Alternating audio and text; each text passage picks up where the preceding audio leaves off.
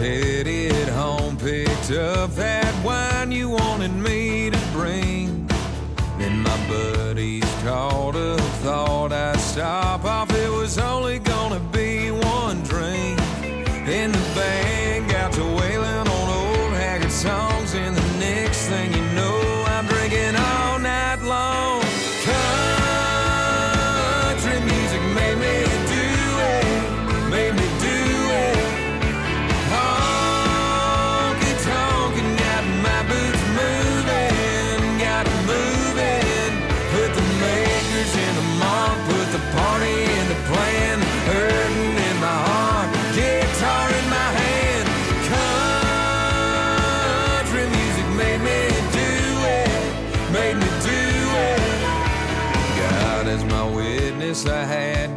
intentions of loving on you all night long.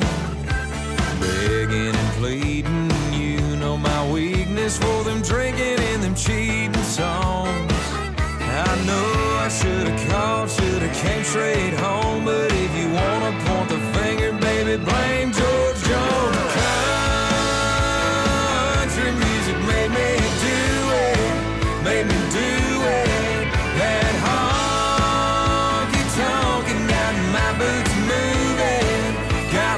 Es el tema Country Music Made Me Do It. Lo hace Carl Anderson y es que esta música del country le gusta mucho a nuestros invitados. Nuestros invitados que han tenido un montón de vivencias en sus años mozos y bueno, y posteriormente también son Loren Arcocha y Antón Onaindía. Recuerdan, nos van a recordar cuando fueron cortadores de caña de azúcar en Queensland, en Australia, y leñadores en los profundos bosques de la British Columbia, en Canadá, donde convivieron con los osos. Y de esto ya nos hablaron en un anterior programa, de cómo llegaron a, a Queensland, en Australia, a cortar caña. También, pues eso, cómo se penetraron en el bosque como leñadores. Y bueno, pues sí, que tuvieron experiencias como muy duras, muy duras y sorprendentes, como cuando una vez se los coló un oso y Antón nos contaba la narración y nosotros nos quedamos así como con la boca abierta. Y ahí terminó el anterior programa de Levando Anclas. Vamos a seguir, vamos a conocer cómo siguieron de cortadores de caña eh, en Australia y luego, pues, eh, bueno, vamos a hacer un resumen de, de los cortadores de caña en Australia, pero sobre todo nos vamos a meter cuando eran leñadores en Canadá. Seguimos con sus aventuras de leñadores en Canadá. Así que damos la bienvenida a Antón Onendía, Gabón Antón. Gabón. Estamos también con Loren Arcocha, Gabón Loren. Vale, Gabón, vale. Sí, recordamos un poquito, ¿no? Lo que fue vuestra llegada a Australia, en Queensland, para seguir luego con Canadá. Pero, ¿cómo os llamó la atención de ir allí? Porque en el caso tuyo, Loren, ya tenías hermanos y hermanas, ¿no? Que te estaban esperando en Australia. Sí, sí, el caso mío era bastante diferente a la mayoría de los vascos que, que- que fuimos a Australia. Yo tenía ya mucha familia en, en Australia, pero aún así todo, aún así todo el cambio fue bastante bastante brusco. Mm, eh, con, esos, con esos años y con experiencia nula de la vida y, y del entorno casi casi, el encontrarte en un país, en un país diferente, extraño, hay que decirlo, y con un clima duro. ¿no? La verdad es, es que en, este, en estos momentos estamos viendo eh, lo, que está, lo que está pasando en Australia, ¿no? que están jugando el, el- el torneo de tenis y tal, que, y que hay temperaturas de, de- de 40 grados y, y- y más. Y claro, si a eso le añades la humedad que había y en aquellos momentos allí, en la- temporada de caña, pues eh, todo ello se, te- hacía duro, ¿no? Pero bueno, eh, al fin y al cabo éramos jóvenes, aguantábamos todo y a veces, a veces a gusto además, porque eh, la buena cerveza después de, de- de una pechada de cortar caña y con todo ese calor, pues una botella de litro de, de- de- de cerveza buena, pues duraba muy poquito. De un trago casi casi todo para adentro. Loren, es que fuiste allí cuando tenías 17 años, a Australia, a Queensland en concreto. Diremos que naciste en Ondarroa en el año 1945 y como cortador de caña de azúcar en Australia, pues estuviste de 1962 a 1968. Y luego ya te fuiste a partir de 1968 de leñador a Canadá. Y Antón, Antonio Onandía Laca, pues eres de Amoroto, Vizcaya, que naciste en el año 1941 y con 19 años pues te fuiste para allí, para Australia. Así es. ¿A ti te es. esperaba familia? ¿Tenías contactos allí? Mira, eh, tenía una prima que tenía rancho, o sea, tenía farma allí de azúcar. Y llamáis al rancho, a la, a eh, sigue, sigue, sigue todavía, siguen estando allí cinco, tiene cinco hermanos, o sea, tres eh, chicas y dos eh, chicos. O sea, allí vive, allí. Ella todavía con 93 años vive, ella allí en Enea, en Australia, en Queensland. Y luego, bueno, pues dejasteis el trabajo de cortadores de caña y os fuisteis hacia Canadá. Así es, así es. ¿Os fuisteis juntos además? Sí, sí. Loren fue el promotor, ¿eh? el que... no, promotor no. Ahí que, empezamos a hablar y a dónde ir. Y pensamos en, teníamos una porque se acababa el trabajo de cortadores de caña en Australia para que os fuerais a Canadá. No, tampoco era eso, tampoco era eso. En parte, en parte se veía que el, trabajo de, la, de, corte de caña a, machete pues estaba acabando. ¿no? Se ya veíamos que venían las máquinas pisando los talones y que de un año a otro pues casi toda la caña se iba a, cortar con las máquinas. También veíamos eso, pero tampoco era, eso, era, era, éramos jóvenes y queríamos cambiar de ambiente, cambiar, de entorno y ahí estuvimos mirando a ver si Sudáfrica o, Canadá. Y claro, nos inclinábamos eh, unánimemente por Canadá porque el clima era en Canadá más fresco, incluso frío y, claro, nos, nos, no nos tiraba tanto Sudáfrica por, el clima, por el calor estabais buscando el frío y entonces el destino era Canadá. Además se unió Tomás Ugarteburu, que es primo tuyo, Loren. Sí, sí, es, primo mío, sí, sí. Que sigue allí en Vancouver, no ha vuelto. que sí, no, sigue allí, sigue en Vancouver, vive allí, tiene familia allá propia allí.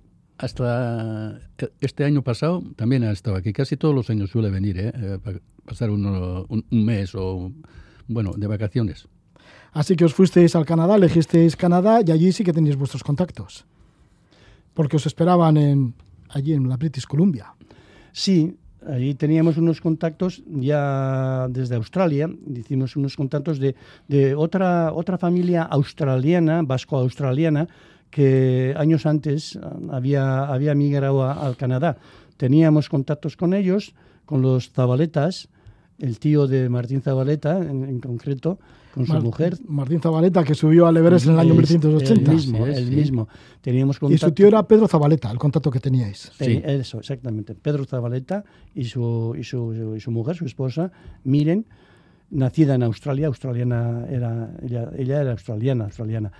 Y teníamos buenos contactos. Ellos tenían una, ya tenían su, su modus vivendi ya establecido con sus contactos y ellos pues nos eh, facilitaron enormemente nuestro aterrizaje en, en, Canadá. Llegasteis allí a Canadá, estaba Pedro Zabaleta esperándoos y luego ya en el interior del bosque Luis Iturregui, un hombre de, Sopela, ¿no? Que trabajaba en el bosque. Exactamente. Que era cortador de árboles. Exactamente, exactamente. Él tenía experiencia del bosque porque ya había trabajado unos años en el, en el bosque y nos juntamos con él y ya formamos el, el equipo inicial para ir trabajando, trabajando él enseñando, nosotros aprendiendo y, con muchas ganas de trabajar en el bosque además. Empezaron las primeras contratas y el trabajo era destajo y el trabajo era durísimo. Sí, el primer trabajo fue... Sobre todo el primero. no nos dábamos cuenta, ¿no? pensábamos que el trabajo... Bueno, estábamos acostumbrados a trabajar duramente desde antes aquí mismo en Euskal Herria antes de, irnos a Australia, en Australia con la caña y luego nos encontramos con, con Canadá y el trabajo allí era duro, pero no nos, no nos amedrentábamos por ello. el trabajo que nos dieron era un trabajo en la que las cuadrillas que habían estado antes, diferentes cuadrillas que habían estado antes, se, habían rendido ante, ante las dificultades que representaba el, el, sitio donde se tenía que trabajar y abandonaban lo que era la, era del trabajo. ¿no? Y nosotros nos enganchamos allí y sufrimos bastante, trabajamos duro, eh, Antón peleando con los osos eh, eh, día y noche, porque a la una, madrugada el oso le pisó la cabeza cuando tenía en la, en la tienda, estaba dormido y le, pisó desde fuera la cabeza y así. Fue un trabajo duro, pero logramos acabarlo, ¿no, Antón? Sí, sí, al día siguiente, pero, pero desde luego fue un susto terrible. Esto me reían, porque creo que hice un chillido cuando me pisó, porque no sabía lo, que podía ser después. Él también, el oso también se asustó con el chillido que hice yo, se asustó. Y tú, ¡oh! entonces cuando, cuando di cuenta que era un oso, Porque tú estabas dormido en ese Dormido, momento. estábamos los cuatro dormidos dentro de una tienda que dormíamos entonces. eh, La única vez que hemos estado en una tienda eh, durmiendo, pero ahí, Estabais los cuatro y a ti te tocó el oso. a mí a mí me tocó. Eh, ¿Y tú, Lore, no te enteraste del oso? Sí, Eh, del oso no, me el- enteré del chilido, del, El chillido del que hice yo dio no, no se iba a enterar. Pero, ¿qué te pasa? ¿Qué te pasa? Toda la tienda estaba bailando, bim, bum, bim, bum, bum, bum, el, los- el faro también ahí dando, dando golpes y tal. ¿Qué pasa? ¿Qué pasa? ¿Qué pasa? ¿Qué pasa? Y este que Vino no a de por la chillar, comida, El oso que está dentro, el oso que está dentro. Y dentro no estaba, estaba afuera, pero le pisó desde fuera, le pisó la cabeza. Ah, te pisó desde fuera. De- desde, desde fuera, fuera, sí, sí. Nosotros teníamos comida dentro de la tienda porque siempre todos los días nos venía allí porque tienen un olfato y la comida no creas que comen cualquier cosa, o sea, eh, como si sabrían leer, o sea, sabían lo que había dentro de la lata, ¿eh? Joder, que son, que son listos. Y entonces, ¿qué te, qué te pisó? O sea, En la cabeza, o sea, eh, la, la cabeza, pero casi me pero aplastó. desde fuera de la tienda, tú estabas fuera de la tienda. yo No, dentro, dentro, pero, él, él, él vino pues... Él aplastó no, igual la- eh, la- la pero tienda y todo, Por ¿no? fuera, Pero- la tienda y todo. Le Sí. empujó. Él me empujó y te aplastó la cabeza. Sí. Con el peso que tienen, pues fíjate. cuando, me, cuando, me- cuando no me aplastó completamente. Pero mira, eh, ya pasó el susto y el día siguiente ya el compañero Iturregui ya, ya le cazó. Ah, ¿le cazó al oso? ¿Cómo le cazó? Con el rifle, o sea, con el, Ah, sí, no, con, lo- con el machete no, ¿eh? Porque, No, no, lo, lo mató al oso. Sí, era, era, además eh, era muy aficionado en, en caza y teníamos un rifle Sí. y ya le cazó por la mañana, el día siguiente por la mañana. ¿Nos daba pena lo del oso y así? No, a mí Sí. no me dio pena. Sí, a mí, no? sí, a mí no. no. sí, sí daba pena, sí daba pena, pero bueno, claro, te- también te daba pena que te, después de haberte costado tanto esfuerzo el, el- el- el llevar la comida a donde estábamos, que eran dos horas y media de caminata, pero de caminata hacia arriba, hacia abajo, cruzando torrentes que llevaban un mogollón de agua, cruzando torrentes con los árboles que ti- tirábamos, que echábamos los árboles, y por encima de los árboles, como con la cucaña, solíamos ir y, y- y llevar todo, todo el material que, que, ten- que nos hacía falta. gasolina y la bueno, comida. eh, todo lo que nos.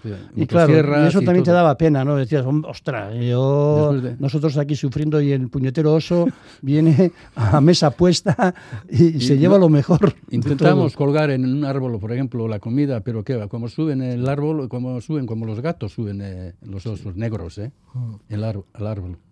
Vosotros que además venís de Australia, que no estáis acostumbrados nada al oso, No, no, igual no, al cocodrilo y a la serpiente sí que y todo a esto, ¿no? Pero, a los serpientes sí, desde luego en Sí. Australia. En Australia sí, Pero pero bueno, pero, pero el oso. Y entonces, ¿cómo fue desarrollando? O sea, ya estabais metidos en el bosque, estabais aceptando un trabajo duro, salíais victoriosos de ese trabajo duro y parece que cogisteis bastante fama. Sí, eh, después nos enteramos de que había eh, las empresas, las contratas, que entre ellos estaban haciendo apuestas de que ese tramo de trabajo que no lo íbamos a acabar, que no, y algunos que apostaban de que sí, de que éramos vascos y de que sí íbamos a acabar, y otros de que decían que no. Eh, La, la- la- la empresa que estábamos trabajando, Nanaimo Constructions, tenía, tenía un, un superintendente que era holandés y Sí. él pues ya nos conocía un poco, no a nosotros, sino a la fama que tenían los vascos. Y él decía, pues esto sí, lo- sí lo van a acabar, esto sí lo van a acabar. Y otros que le apostaban diciendo que no, no van a acabar. Y acabamos, y acabamos. Y aquello fue la puerta grande por la cual entramos en todo, en todo el trabajo sobre, sobre el proyecto de la eh, sobre el proyecto hidroeléctrico del gobierno de, British Columbia, de BC Hydro. Y claro, eso nos abrió todas las puertas. Ya, se corrió la fama, ya entre ellos los contratistas sabían quiénes éramos, qué es lo que habíamos hecho y como se subastaban diferentes tramos de ese proyecto que em, em, arrancaba casi en la muga con, de British Columbia con el Yukon hasta, hasta abajo con la muga con Estados Unidos, que ya son un par de miles de, de kilómetros de, de trazado que había que, que abrir el camino a la, a la línea el hidro- a la línea eléctrica que, que iba bajando y además que había que construir diferentes embalses en ese eh, en esos territorios para crear eh, la energía eléctrica y claro en todo ello ha- hacía falta em, equipos y bastantes equipos para poder limpiar lo que era el terreno de árboles y de todo de matojos también y toda materia orgánica los árboles que valían para madera que eran muchas esas se aprovechaban para madera. Y las que no daban la, la medida, pues había que cortarlas en cachitos y, hacer en- y- y que- fogatas con ello y- quemar, y, quemarlas y hacerlas desaparecer. Así que estabais todo el día metidos en el bosque, ¿no? Ya teníais esa fama de buenos trabajadores y trabajo nos faltaba. No, trabajo no nos faltaba, no, no, no nos faltaba. Y ahí Eh, metidos ya en ese gran proyecto de las hidroeléctricas en British Columbia. Exactamente, exactamente.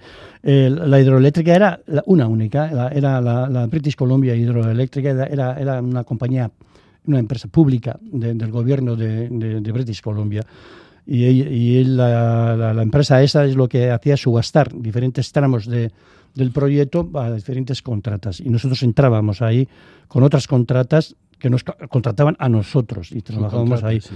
La, la temporada de trabajo que solíamos trabajar era empezar según en qué zona eh, eh, salía a subasta el, trabajo. eh, eh, la primavera, eh, temprano primavera, tarde primavera, verano, otoño, otoño hasta tarde otoño o, o temprano otoño, pues si entraba la nieve, a nevar, a, a helar y todo eso, dependía. Dependíamos de la meteorología y la meteorología mm, muchas veces dependía de que en qué zona estábamos trabajando. Cuando llegaba el invierno, cuando llegaba la nieve, dejabais de trabajar. No se podía trabajar, No no, se se, podía, podía, trabajar. imposible. No, no, había zonas en que, bueno, eh, la nieve era, era alta, en otras la nieve no era tan, tan, tan espesa, pero el, el frío era, era inmenso. Entonces no se podía trabajar, eh, no te dejaban, ni siquiera eh, la, la- la seguridad. Del, trabajo no te dejaba trabajar. Después de, que la temperatura bajase a, menos 40, a menos 40 Celsius, a centígrados, ya mm, pasando eso para, para, para, para más frío, no te dejaban trabajar. Pero tampoco hacía falta trabajar más. es decir, que trabajando mm, primavera, verano, eh, otoño, pues ya tenía lo suficientemente hecho la, el- el- la, cartilla ya tenías hecho y no te hacía falta trabajar. Porque es que no podías trabajar tampoco en invierno. Ya, En bueno, verano, verano tampoco no, eh, cerraban el trabajo, eh, porque por los fuegos. Verano, verano, cuando hacía calor, tampoco por el miedo de que escape el fuego, porque nosotros cortar y quemábamos, limpiábamos el monte. Y el fuego tenía este riesgo de que te podía escapar y podía... Sí que ha habido allí... eh, ¿Y cómo era vuestra vida, Antón, en el monte? pues, eh, Como leñadores. Bueno, vida, nosotros éramos cuatro, éramos en cuatro eh, que trabajábamos, Loren, yo, Tomás y otro este de Urduliz. Y bueno, nos arreglábamos bien, aunque era- el trabajo era duro, pues eh, lo pasábamos bien. Nosotros, eh, entonces, lo bueno que teníamos era otra cosa que la edad. Y bueno, eh, yo siempre he dicho que he tenido suerte, que he tenido com- buenos compañeros, buenos trabajadores y lo he pasado eh, bien. Pero resultaba duro, era muy cansado al final del día. Bueno, pero nosotros, lo que- como nos ha dicho eh, Loren, eh, estábamos acostumbrados. Antes que ir a Australia, nosotros en el caserío ya estábamos ya eh, curtidos ya de trabajo duro. Y después en Australia, pues también tuvimos que trabajar. eh, y por la clima, en Australia yo sufrí más que el trabajo eh, por- con el calor. O sea, el contraste que no estábamos acostumbrados aquí trabajar a 40 eh, o 45 grados. Y eso es lo, eh, lo que más me hacía sufrir a mí, por lo menos. Loren, ¿y cómo eran las jornadas allá emitidos en el bosque? Porque estabais así, cubiertos de bosque, de grandes árboles. Sí, sí. Generalmente los O sea, con naturaleza abundante, el contacto con la naturaleza era muy directo. sí, sí, totalmente. Encima totalmente. naturaleza virgen, seguramente. La, la naturaleza en muchos, en muchos, muchas partes de que estuvimos trabajando, la naturaleza era virgen, que no había habido nadie antes que nosotros allí talando árboles. Era, éramos los primeros que es- estábamos talando árboles. Pero dependiendo de la zona, los árboles eran grandes, muy grandes o no tan grandes también. Porque dependiendo de la zona eh, era más húmeda, menos húmeda o bastante seca porque mm, parece que British Columbia, al estar en, la, parte oeste de, Canadá, que toda ella es húmeda, húmeda, pero tiene partes muy húmedas, partes que son notablemente húmedas y partes que son bastante secas.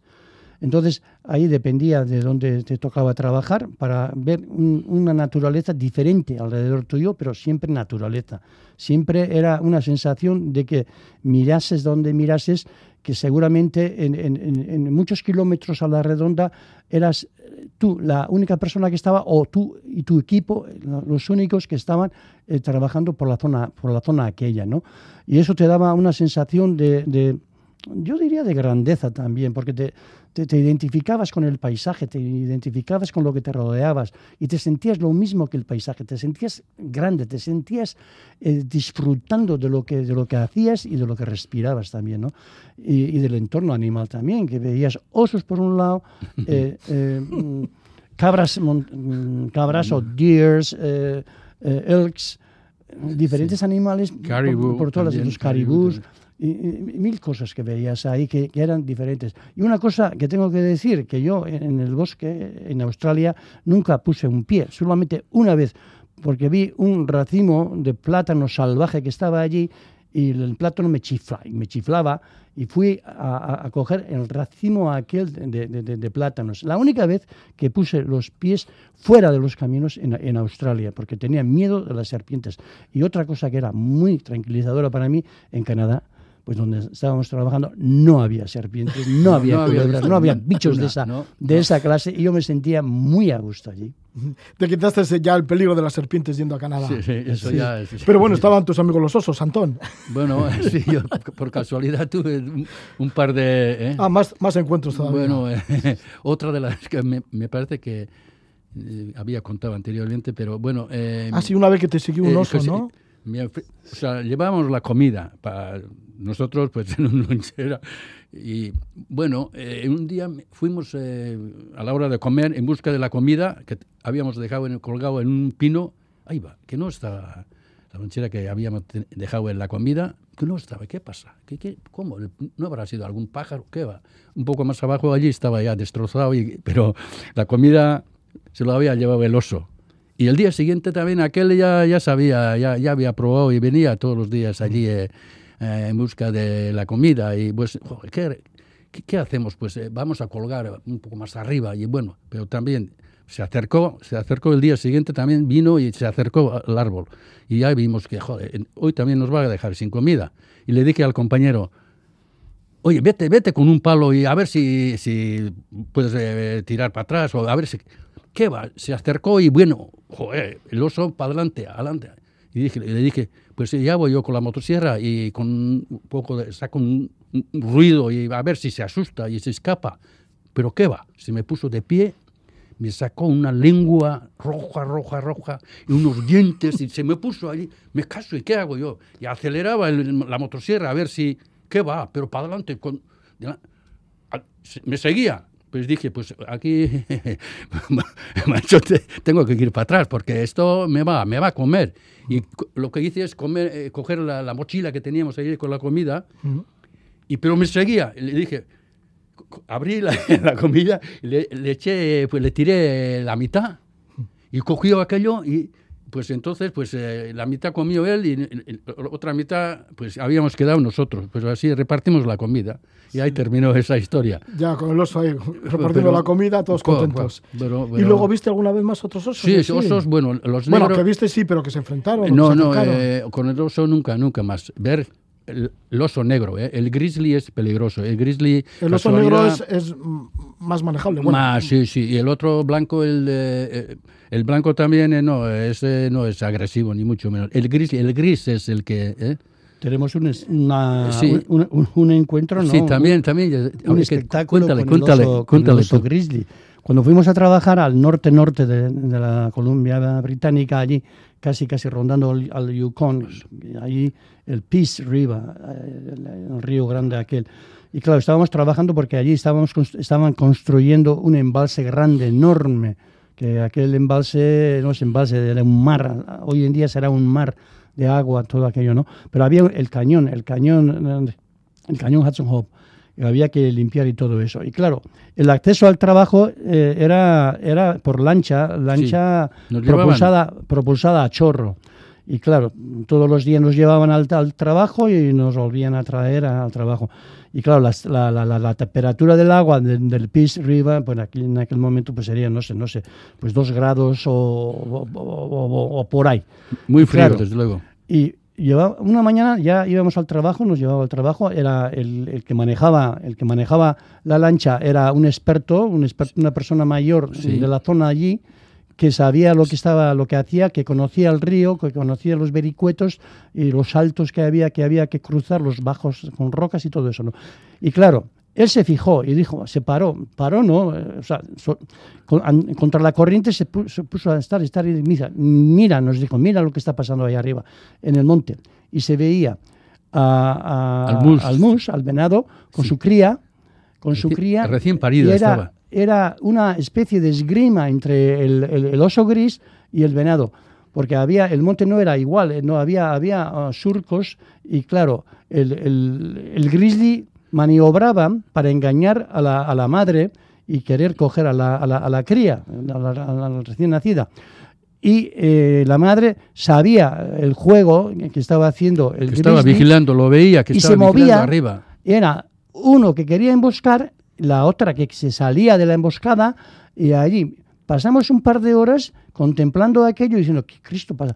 Y el, lo que es el, el venado bajaba para abajo, bajaba para abajo y se acercó bastante hasta donde nosotros estábamos con la lancha. Sí, Con, con- la orilla con el del mar, miedo, sí, con bajó. el miedo al, al- al- al- al oso que sabía lo que le iba a hacer, eh, buscaba como casi casi buscando protección con nosotros. Se bajó hasta la esquina, hasta la Sí. esquina del río. Hasta la orilla, y sí. Hasta la orilla, hasta la orilla se bajó y el grizzly ahí andaba rondando y cuando se acercó lo suficiente a- hacia nosotros, el grizzly abandonó la- el, el área y se largó. Pero días más tarde vimos al, al mismo venado, a, a- a la madre, sola. Ya. Y ya nos dijo el, el- el- veterano Sí, el veterano ya dijo, sabía, ya nos decía, eh, ya le pillará. Ya le ha pillado.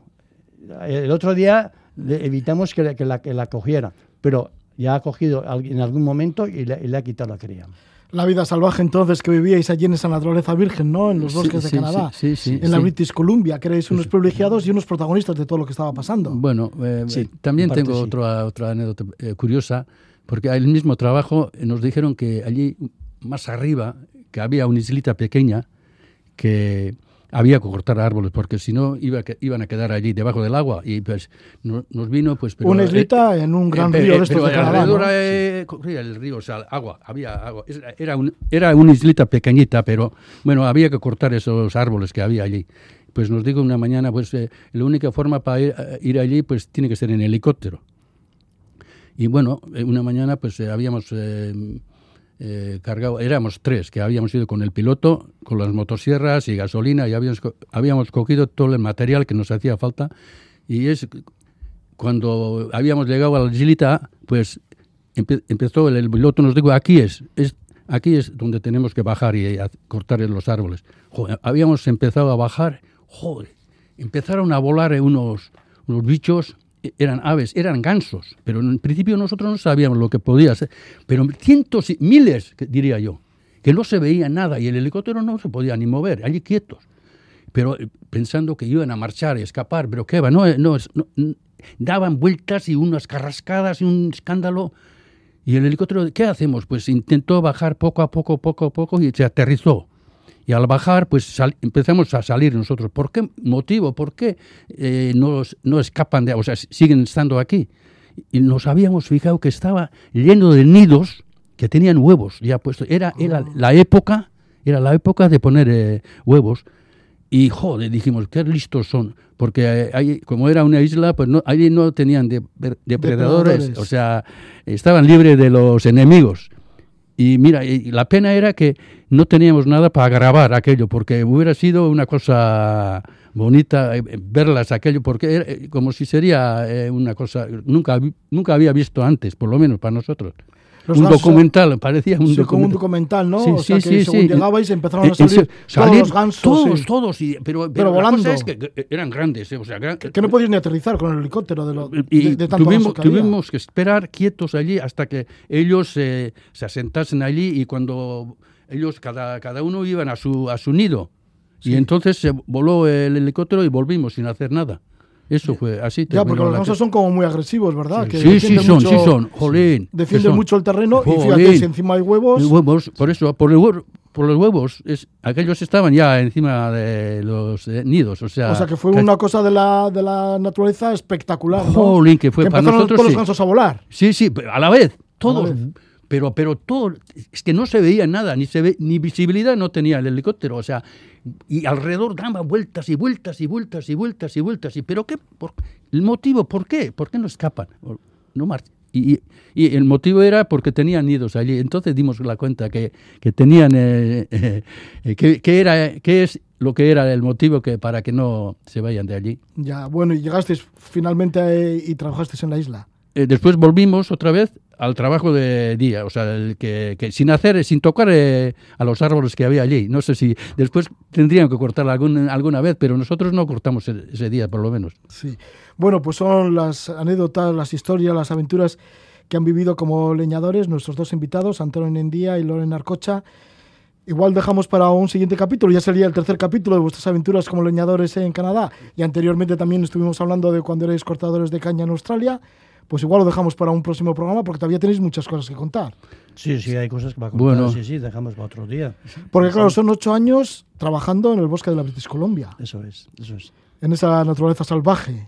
Sí, sí. Y también te- me gustaría, habiendo tiempo, contar otra anécdota que tuvimos que pasar toda la noche ahí en Melas, porque eso fue el año 72, me acuerdo.